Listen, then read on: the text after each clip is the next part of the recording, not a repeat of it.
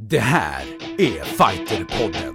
Ladies and gentlemen, we are. I'm not surprised, motherfuckers. Touch gloves. Get ready for war. Uchimata! Ladies and gentlemen, the mauler, Alexander Gustafsson. Oh my God!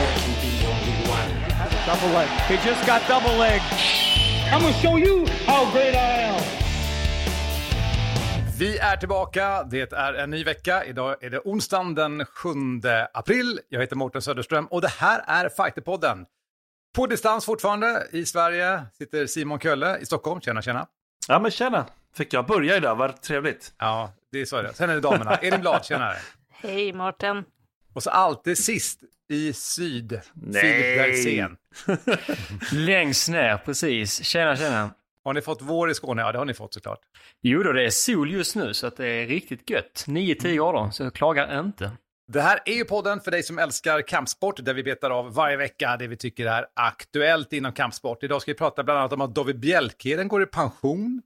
Vi ska prata om Bellator-galan. Eh, vi ska prata om UFC, Amir Albasi, Karl Albrektsson och mycket mer i dagens Fighterpodden. Ska vi starta då med att David Bjälkheden går i pension. Det är ju en absolut pionjär inom svensk MMA. Jag vänder mig först till dig faktiskt Simon, vad tänker du? Alltså David är, är verkligen en pionjär skulle jag vilja säga. Och framförallt att han får inte riktigt cred för det tycker jag. Eh, alltså han gick i sin första proffsmatch i MMA 2001. Eh, mot faktiskt Arben Latifi, alltså Ilis storebror. Det är ganska fasligt men Arben är ju ett le legit svartbälte och var det väldigt tidigt. Eh, och vann över David där som primärt började som på Hilti eh, i Stockholm och på, som grappler. Och var en riktigt duktig grappler och fick svart bälte också tidigt. The Brazilian Swede som man kallas och sådär. Och sen så radade han upp ett antal segrar i Finland framförallt. Och det var väl där jag fick upp ögonen på, på David någon gång. Såg hans tidiga matcher. Det, det, liksom, det var ju inte så jättelätt att se. Nu pratar vi alltså 20, 2003 någonstans. Och sådär. Han radade upp ett antal segrar där. Och eh, tills han till slut mötte Ryoto Sakurai, eller Sakurai som han förlorade mot 2004. Och vid det här, alltså sen blev han faktiskt rankad nummer ett i Europa. Det är också inte så många som känner till. Men han var, han var högt rankad liksom. Men får jag bara komma in där? Vi pratar alltså, det är 17 år sedan 2004. Filip? Ja, jag var ungefär inskolad på dagis vid den eh, tidpunkten kan man säga. ja. Jag har Ja. faktiskt ett, eh, ett minne från, just från David Bjälkheden när eh, det här måste varit typ 2000, 2008, 2009 någonstans där började ju jag med MMA och jag började också jag, så här, skriva och göra intervjuer och grejer och gjorde det för en, en av de stora MMA-sidorna. Och en av de saker de gjorde var att de skickade mig som typ flygande reporter till SM i submission wrestling, något av de här åren. Uppe i Uppsala var det om jag kommer ihåg rätt. Och då minns jag att David Bjälkheden tävlade och så ville jag intervjua honom och han, han sa tvärt nej. För jag, han ville inte bli associerad med den här sajten som jag skulle intervjua honom för. Jag, ja, det var, jag var lite förvirrad för jag hade ju ingen beef med honom personligen. Men eh, när han fick veta vilken sajt jag var ifrån, bara, nej, eh, han ville inte prata med mig. Så jag fick aldrig göra den intervjun, tyvärr. Det är lite synd.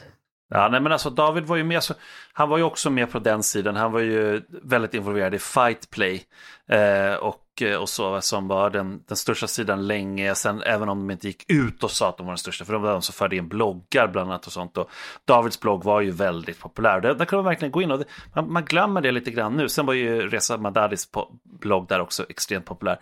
Men man glömmer det lite grann idag. Det är sån br- bra inblick. Man kan följa alla fighters och se inför UFC-galor och allting. Men David var en av de första som, man verkligen, som verkligen släppte in liksom, gemene man om man säger så in i fightingen. Men sen alltså Davids karriär, jag ska, behöver inte dra hela karriären för det kanske ni har koll på, men liksom han hade såklart sina ups and downs, men han var den första svensken i Pride. Eh, han var den näst första svensken, det var ju typ nästan samtidigt som Per Eklund, han kom in i UFC, så han var liksom pionjär där. Och det var väldigt, väldigt svårt då att komma in både Pride och i UFC, ska vi säga, vid, den, vid det laget. Och han gick in och mötte Diego Sanchez som hade åkt på sin, jag tror att det var hans första förlust. och så skulle möta en liksom revanschsugen Diego Sanchez på extremt kort varsel. Eh, och, och förlorade den matchen då. Och sen så vann han en i, i UFC. Eh, och förlorade sin tredje mot Mark Bocek. Med bara tre sekunder kvar i första ronden. Det var världens otur där. Eh, sen återvände han, vann ett antal matcher, förlorade några och sen så hade han en lång, lång win streak i Superior Challenge, typ nio vinster innan han till slut eh, tappade motivationen mer och mer ska man väl säga. Han åkte på sin, sin sista match blev ju den mot Pieter som eh, egentligen faktiskt en annan viktklass men som eh, chockade hela världen och vann över David Bjelkheden som blev nästintill knockad i första ronden men sen kom han tillbaka. Men du har ju också kommenterat många matcher med David Bjelkheden, Simon. Jag tänkte, ja. hör på det här klippet ifrån Superior Challenge 2014. Hård ground and pound. Florent grinar illa. Han grinar väldigt illa! David Tillbaka till halvgard igen. nu gick han på sin midbag. Snyggt! Där! Fem sekunder kvar! Där ut.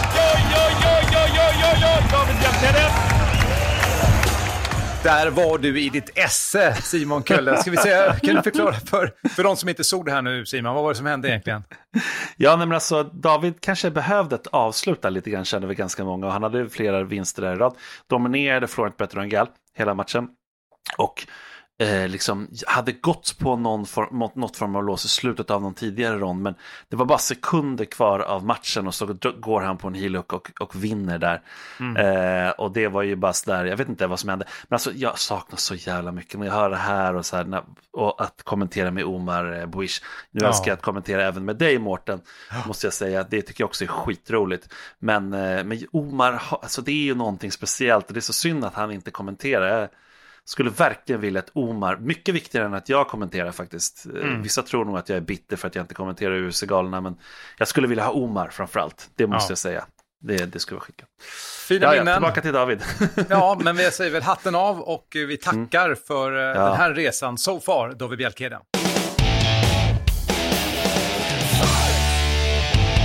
Vi ska såklart prata om UFC som är i helgen i Las Vegas. Men innan vi pratar om själva matcherna så är det faktiskt så att det är ju första gången nu som de byter kläder till Venom. Eller hur Elin? Ja, precis. Vi har ju snackat lite om det innan och jag tänkte att vi ska titta lite tillsammans på, på några grejer här.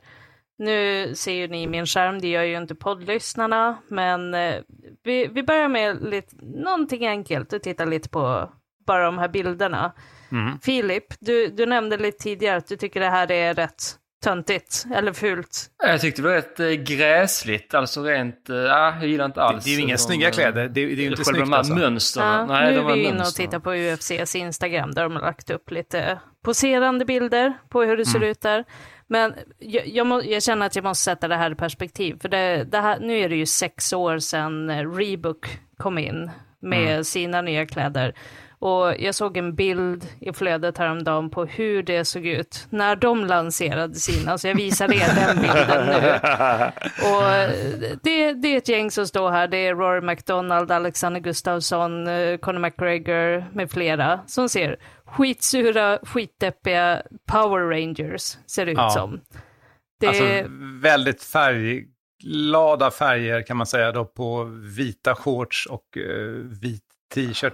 Alltså det där alltså, var inte Alltså snyggt. det jag vill säga är att vi kanske, om, om man jämför det här, Rebook som en utgångspunkt och så jämför man det som har kommit från Venom. Nu ja. skulle jag säga att det här har mycket bättre potential framåt. Fattar. Ja, men jag, jag förstår det. Det är svårt för dig som nu lyssnar på detta att förstå, men gå in på UFCs Instagram så kan ni faktiskt se då Venoms nya kollektion och så kan du besöka tillbaka på Reebok sex år tillbaka när de introducerades på, eh, till UFC. Alltså det, du har helt rätt Elin. Det är ja. faktiskt ganska snygga kläder nu det, måste jag säga. Det finns ett konto som heter MMA History Today som eh, jag följer. Det kan man kika på för, för där ligger de här gamla bilderna uppe. Mm. Och de har ju också lagt upp en, eh, en promo-video som eh, jag bara spelar lite kort här. För det, det jag tycker är lite kul som, som man ändå kan se här, så bara för att beskriva vad som händer i den här promo-videon, för de pratar ju liksom om inspired by the journey. Och det är ju jättemånga fighters som har använt Venom tidigare. Mm. Så här är det bilder liksom på José Aldo, på um, Chuck Liddell och massa gamla stora champs. Och jag tror att det här är så smart, för de spelar liksom på nostalgin när man såg Cain Velasquez komma in i sin Venom gear. Mm. Så det, och det var ju många som saknade det här, som saknade att det var liksom fighters riktiga kläder. Inte bara... Att det är lite trovärdighet, det är ju det det handlar om. Det ja, men jag. precis. Så, Ja. så jag måste ändå säga att jag, jag kanske inte heller tyckte att kläderna var så jävla snygga när jag såg dem första gången. Men sen såg jag promovideon, blev lite taggad. Och sen fick jag den här tillbakablicken på hur Reebok-kläderna egentligen såg ut när de kom och tänkte bara, ah, okej, det, det Ja. kanske blir bra ändå. Ja, men snygg spaning Evin. Ja, så det är mode, modetema i Fighterpodden, kanske lite off topic, men eh, jag vill ändå höra liksom vad ni tänkte när ni såg den jämförelsen. Ja. Ja, alltså det blev ju tydligt när man såg de båda ursprungsoutfitsen, men jag tänker ändå att Reebok gjorde en rätt bra resa under tiden, de här sex åren, att de blev bättre och bättre. De här sista tycker jag faktiskt var riktigt snygga.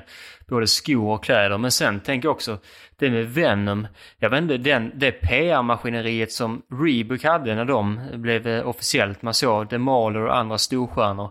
Eh, nu var det liksom Brian Ortega och var det mer eh, Aljamain Sterling. Jag tycker inte alls de har slagit alls lika mycket på stora trumman i UFC med det här. Så det känns kanske som att det är kanske inte är en lika långsiktig satsning, jag vet inte. Men jag tycker inte jag får samma, eh, för, för samma genomslag Nej. hos mig i alla fall. Vad säger du Simon? Jag vet inte, jag tänker att alla kommer ju bära de där kläderna ändå så att det går ju att göra sig. Och, och bränner man då alla de tyngsta direkt i början så kanske de är brända, jag vet inte. Alltså US är rätt smarta till att Mm. börja med. Så de, och de har lärt sig väldigt mycket eh, PR genom årens lopp liksom. Så att eh, jag tror nog att det kommer att trummas ut, men, men det kan ligga någonting i det du säger faktiskt Filip. Jag, det är svårt att veta. Om vi då tar oss till galan så kommer vi alltså få se Kevin Holland bland annat och Marvin Vettori i de här Venom-kläderna. Där har vi ju huvudkortet i helgens gala. Vad säger du Simon?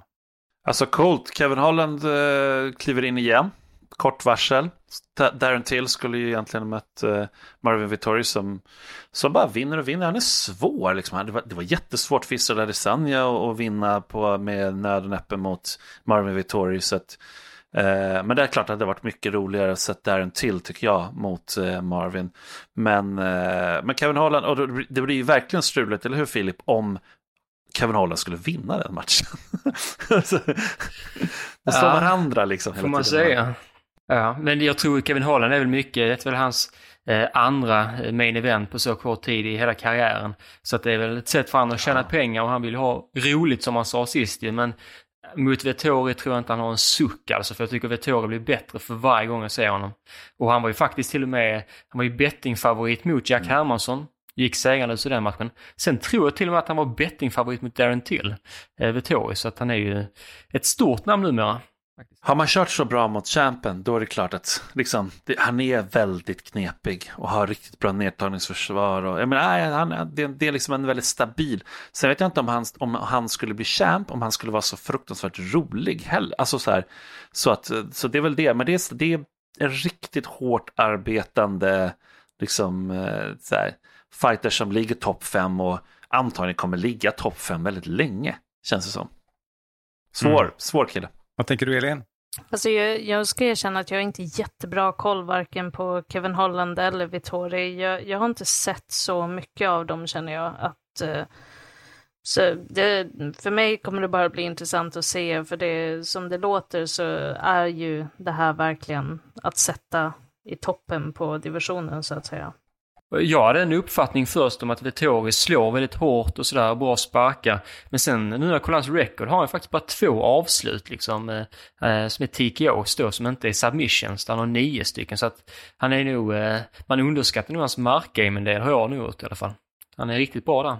Alltså alla tre sista matcher på det här kortet är skitbra till att börja med. Alltså, och den, den, eh, Co-Main är väl den som verkligen alltså, sticker ut lite extra mycket, men alltså sov inte på den här andra också med Kyle Dukakis. Eh, men vet du Arnold Alland, 16-1 record, är grym, alltså en fantastisk fighter på alla sätt och vis. Och eh, Dick Yusuf som har 11-1 record, är också sådär grym.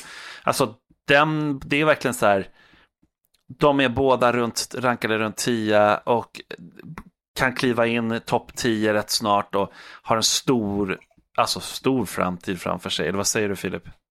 Ja, alltså det är ju fjäderviktens absolut två största talanger tycker jag. Eh, Yusuf har ju haft lite kortare resa i UFC medans eh, han har haft en eh, lång resa, online och vunnit en massa matcher.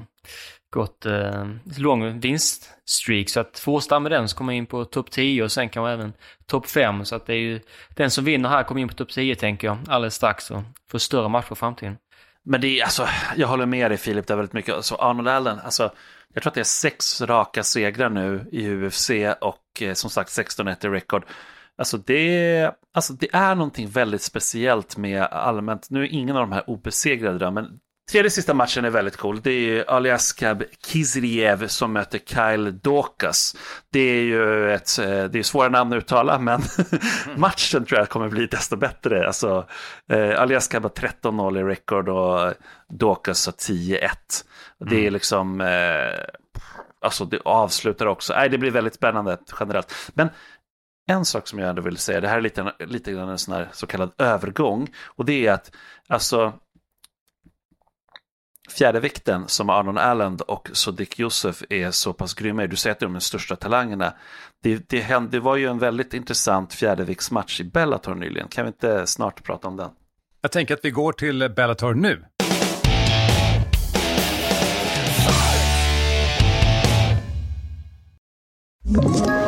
Ett poddtips från Podplay. I fallen jag aldrig glömmer djupdyker Hasse Aro i arbetet bakom några av Sveriges mest uppseendeväckande brottsutredningar. Går vi in med hemlig telefonavlyssning och, och då upplever vi att vi får en total förändring av hans beteende. Vad är det som händer nu? Vem är det som läcker? Och så säger han att jag är kriminell, jag har varit kriminell i hela mitt liv men att mörda ett barn, där går min gräns. Nya säsongen av Fallen jag aldrig glömmer på Podplay.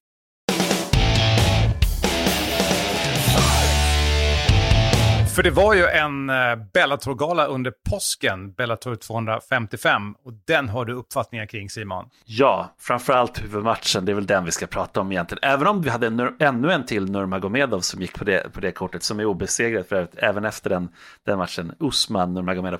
Men, alltså det är framförallt huvudmatchen och det är Patricio Pitbull som återigen slog Emanuel Sanchez och nu kommer han ju gå upp och gå final. De har ju kört en liksom, turneringsgrej där eh, och nu kommer han gå final. Och jag menar, jag frågar mig bara, nu vet jag att väldigt få har sett den här matchen säkert, mm. men jag, alltså, Patricio Pitbull, jag menar, han slog Michael Chandler, i, alltså avslutade honom i rond ett. Och jag menar, Michael Chandler hypad skulle kanske kliva in i vet, och gå titelmatch och allting i UFC hur bra är Patricio Pitbull? Alltså, han är eh, wrecking machine verkligen. Jag vill se honom i UFC. jag har inte sett alltså, den här galan. Elin har inte heller sett galan, eller hur? Nej. Nej. Har du sett galan, Filip? Jag såg inte den. Om man, det är som boxningen. Det här är svårt att se Bellator. Det är inte bra att gå in på någon... Ja, tyvärr. Men eh, alltså, han mötte Manuel Sanchez för andra gången, vann på en giljotin i första ronden. Och jag menar, innan det hade han ett avslut på en höger och han slog Michael Chandler efter en minut. Jag menar, på slag. Alltså han... Det här är en riktigt, riktigt läskigt bra fighter. 31-4 i rekord och han ser bara bättre och bättre ut. Så att jag vet inte det, men eh, ja. Det är lite spännande så, men, men det är ju det är knepigt. Alltså jag såg att Bellator skickade ut någonting, så här pressmeddelande om att de hade fått flera kanaler de skulle visa, men det var inte Norden. Så att... ja, det är svårt mm. att se Bellator. Och i helgen skulle jag vilja se Bellator för att då är det ju en rematch mellan Ryan Bader och Lyoto Machida. Och det är alltså en rematch från 2012. Wow. Har ni några tankar där hörni? Alltså Ryan Bader är bra som fan, han har fortsatt vara bra. Lyoto Machida, not so good. Det är väl det jag säger om det. ja, det kan jag rätt kortfattat väl tänka samma sak där. Både storleksmässigt och liksom, ja, man säger, vem som är färskast så är det ju klart eh, Ryan Bader som borde vara favorit i alla fall. Men det är väl nio år sedan, jag tänker ändå om jag är Lyoto Machida, Uh, alltså, jag tänker, ett, varför du tar matchen. Det måste ju såklart handla om pengar för att det är en spännande rematch. Men nio år är ju lång tid. Elin, va? Det är ju lika många år för Ryan Bader, så jag förstår inte riktigt resonemanget, ärligt talat. Han har ju också blivit Jo, men Ryan Bader har ju väl varit aktiv? Han har varit aktiv på ett annat sätt, Ryan Bader, ja, har han inte det? kanske. Det men det är som du säger, det handlar väl ganska mycket om pengar och att det, det, det är en bra affischfight för eh, gamla fans som oss. Men om vi tar oss till nutid då, tack så du ha Elin för den, så tänker jag att vi har ju Karl Albrektsson eh, som ska gå match. Simon. Ja, absolut. Om två veckor går han match, alltså hoppar in på ganska kort varsel. Och han har ju slagit faktiskt Vadim Nem Nemkov, alltså champen i, i Bellator. Eh, och så, det var därför han fick möta Phil Davis och lite sådana grejer. Vi har snackat om det tidigare. Men nu ska han kliva in och möta Vadim Nemkovs brorsa, Viktor Nemkov, som eh, man tänker sig, vad är det för snubbe? Men det är faktiskt en väldigt bra fighter, 37-1 i rekord och mm. blir väldigt tufft tufft motstånd för Karl Albrektsson. Men Karl Albrektsson ser ju väldigt bra ut. Det är lite så här, Karl Albrektsson, Anton Turkal, alltså vi har några sådana där killar som, som är så här urvikingar typ i sin persona nästan. Och eh, mm. de, de, de ställer till det för många. Ja, men det är kul med lite nya svenska, eller inte nya, men svenska fighters som eh, gör sig namn nu. Hur var recordet Simon? Var det 37-1 eller 37-1? Ja. Okej, okay, bra. Jag, var, ja. jag tänkte, vad fan är det här för snubbe? Han låter ju svinbra. Ja, ja nej, inte riktigt, men ändå väldigt bra såklart. För 30 vinster, liksom proffs. Ja, Sen har man gått många i kanske Ryssland och sådär. Ibland är det si och så matchningar, men ibland är det också bra liksom. Så att, eh, ja, tufft. Och sen uppmaning till, ja, helst SVT, men annars kan man ju ta Simor kanske. Signa nu avtal med Bellator så vi kan se matcherna. Mm. Det vore jättekul faktiskt, det vore väldigt bra. Kanske någonting för Fighter TV. TV ja, precis. Signa, signa på Bellator. med Bellator. Det vore skitbra. Från MMA till boxning, vad har du på agendan Filip? Eh, det var en match innan påsken när vi pratade om Carl Frampton, att om han förlorade ytterligare en match skulle han gå i pension. Han förlorade efter att han gjorde en bra match. Eh, han var lite för kort och lite för, ja, inte tillräcklig räckvidd för att vinna, vinna matchen och blev avslutad och förlorade, avslutade, eh, eller valde att avsluta sin karriär helt enkelt. Men det jag tänkte prata om nu är faktiskt ett litet fenomen jag har märkt att det är väldigt vanligt inom boxningen den här far och son-traditionen. Mm. Att om en pappa har boxats, då är det väldigt, och då kan ha varit världsmästare i alla fall, på en hög nivå. Då är det väldigt stor sannolikhet att man kanske får en son som också blir väldigt bra på boxning. Vi har ju till exempel eh, Fury-familjen nu. Tyson Fury är bara en i raden av en lång eh, ja, radda släktingar som varit riktigt bra i både bare knuckle och eh, boxning. Men nu den här helgen har ju faktiskt ett aktuellt för jag eh, skrev en text om Tommy Morrison tidigare, eh, någon månad sedan. Han som spelar då eh, Tommy Gunn i Rocky 5 och var även världsmästare och dog sen tragiskt i HIV 2011. Mm. Hans son, Trey Lip Morrison, gör nu comeback efter två års paus på en gala i USA i helgen. Och sen har vi en annan, eh, Connor Benn, en ung eh, boxare född 1996 från Storbritannien. Han har också en eh, gammal legendar till pappa, Nigel Benn. Och bara för förra veckan hade vi Campbell Hatton, eh, som är son till den ja, gigantiskt eh, omtyckta Manchesterbon Ricky Hatton som mötte Floyd Mayweather, Manny Pacquiao och sådär. Och samma där tänker jag, Floyd Mayweather, han är också, hans pappa var också boxare. Eh, så det är rader, alltså det är så många namn som har just detta fenomenet att det är far och son. Och även denna, jag glömde till och med, denna helgen, vet du vem, vems son som ska fightas då också? Det är inte Mike Tyson, men det är Evander mm. Holyfields son som gått typ tre proffsmatcher. Så det är liksom så sjukt eh, många av dessa namnen. Vad säger du Simon? Har du sett det också? Jag hade tänkt, ja, jo, tidigare har jag tänkt på det. Men jag tycker att du glömmer en grej här också. Eh, och det är att vi har också en dotter som var världsmästare väldigt länge. Ah, Muhammad Alis Ali. dotter. Ska vi inte glömma, ska vi inte glömma nu när du bara tittar på söner. Men, eh, det, men absolut, det, det, är ju någonting med det här med släktband och jag vet att det stämmer delvis lika mycket också inom brottning. Så det, det kan vara en sån sak. Men vad säger du Elin?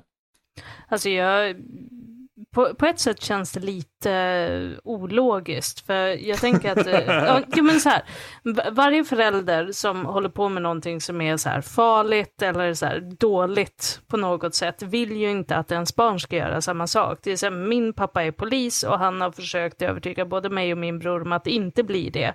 För att det, det är slitsamt och det är ett farligt yrke. Så jag tänker att om jag hade haft en proffsboxare till pappa så hade han nog inte blivit skitglad om jag ville göra samma sak. Så, sen gör ju såklart barn alltid precis motsatt det föräldrarna vill. Men... Eh, men vänta nu Elin, jag måste avbryta, jag måste avbryta, jag håller på att skratta på mig. Du menar alltså att kampsport och poliser, det är någonting som är farligt och dåligt. Elin Blad, styrelseledamot i Svenska Kampsportsförbundet.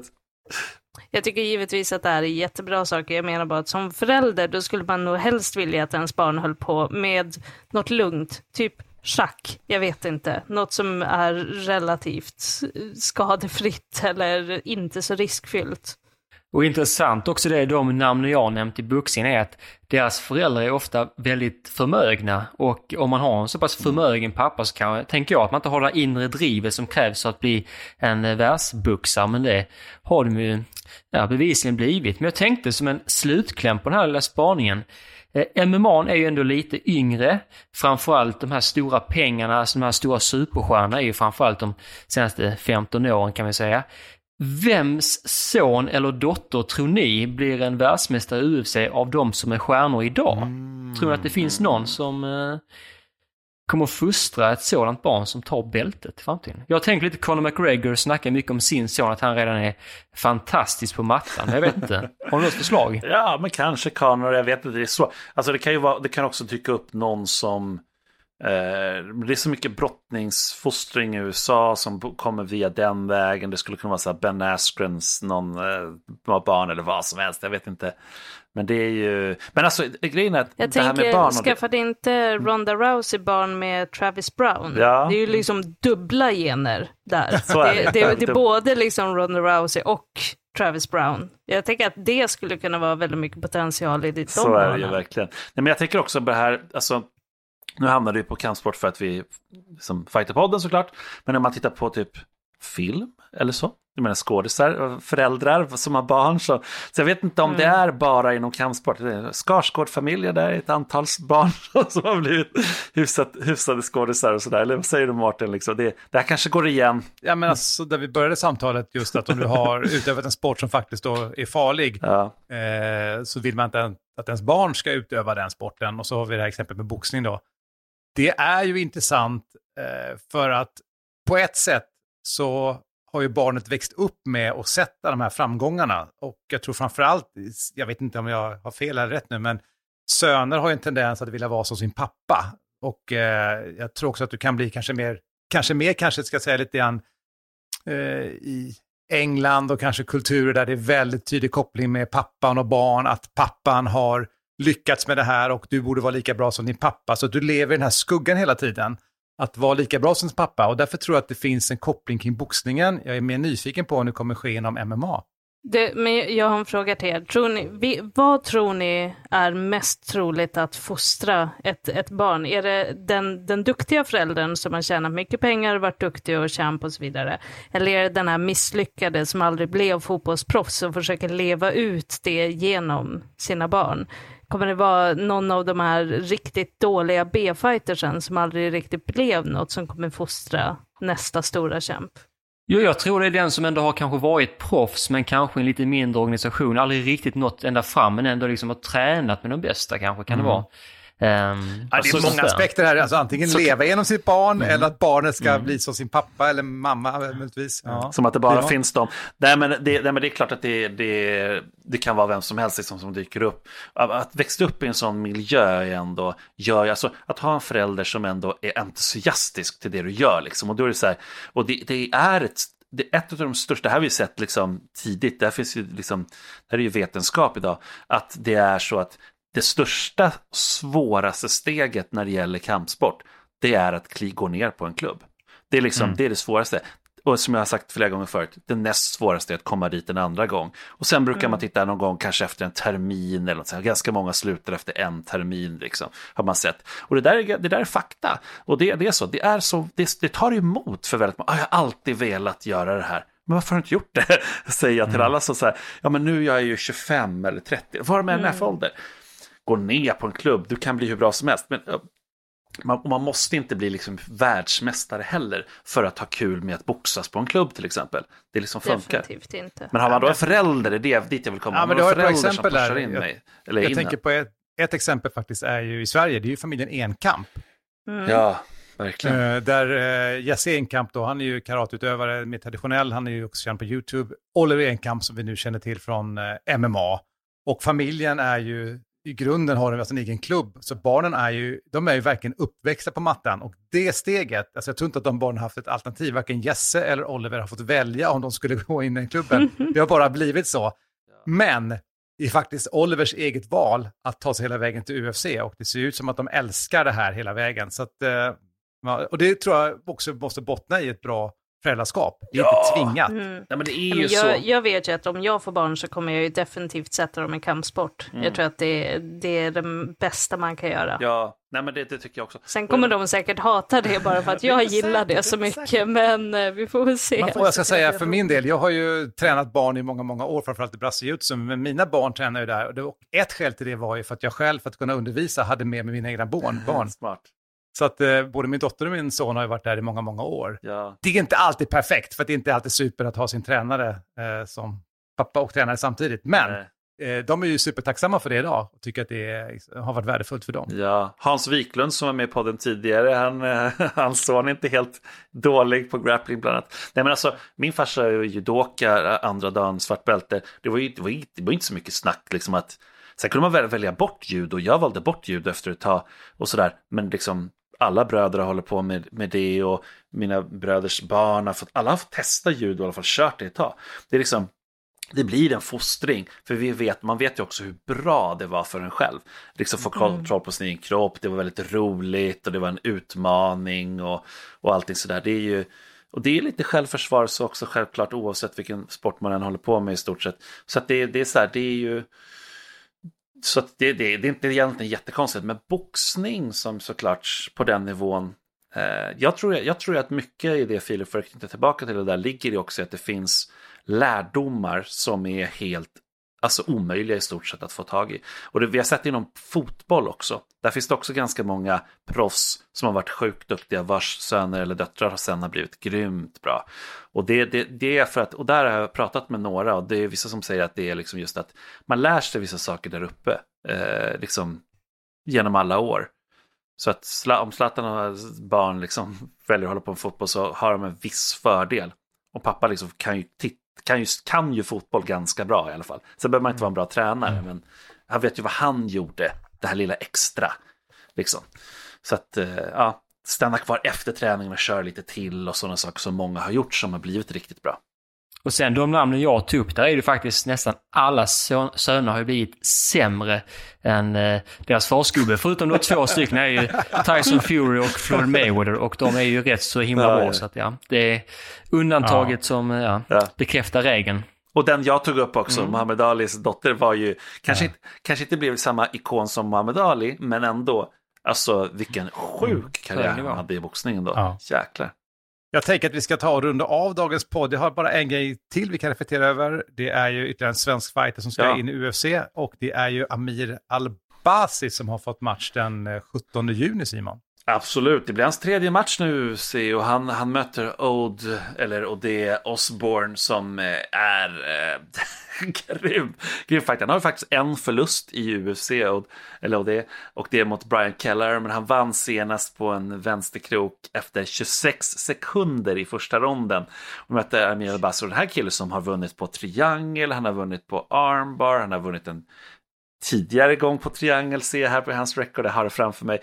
Men han har också åkt på en nibar tidigare i karriären. Så att, men, men, men ändå, det, det, han tar risker, han är grym stående och kan ta ner på backen. Det blir ett absolut Amir Abbasis svåraste motståndare han har mött i UFC.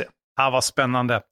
Men den här helgen ser vi fram emot dels UFC och då om du kan se så är det också då Bellator-gala här i helgen. Därmed tänker jag att vi ska ta och knyta ihop. Tackar idag Elin Blad. Det är en hund som skäller hemma hos dig eller? Tack så mycket. ja, jag tror att det är min Ja, sambo som kommer hem. Simon Kölle, tack för idag. Ja, men tack. Jag vill ändå passa på att säga, när vi, vi pratade om David Bjelkheden han som går i pension. Jag vill tacka David Bjelkheden. Jag vet inte om du lyssnar på det här, men tack för sjukt många roliga minnen och att Mm. allt du har gjort för svensken. Alltså, folk fattar inte. Du har gjort sjukt mycket. Stort tack.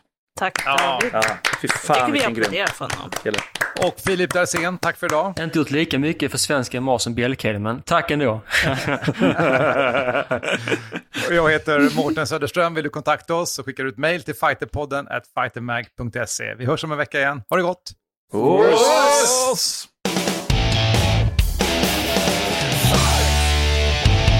Fighterpodden produceras av Suba Media för Radio Play. Poddtips från Podplay. I fallen jag aldrig glömmer djupdyker Hasse Aro i arbetet bakom några av Sveriges mest uppseendeväckande brottsutredningar. Går vi in med hemlig telefonavlyssning och, och då upplever vi att vi får en total förändring av hans beteende. Vad är det som händer nu? Vem är det som läcker? Och så säger han att jag är kriminell, jag har varit kriminell i hela mitt liv men att mörda ett barn, där går min gräns. Nya säsongen av Fallen jag aldrig glömmer på Podplay.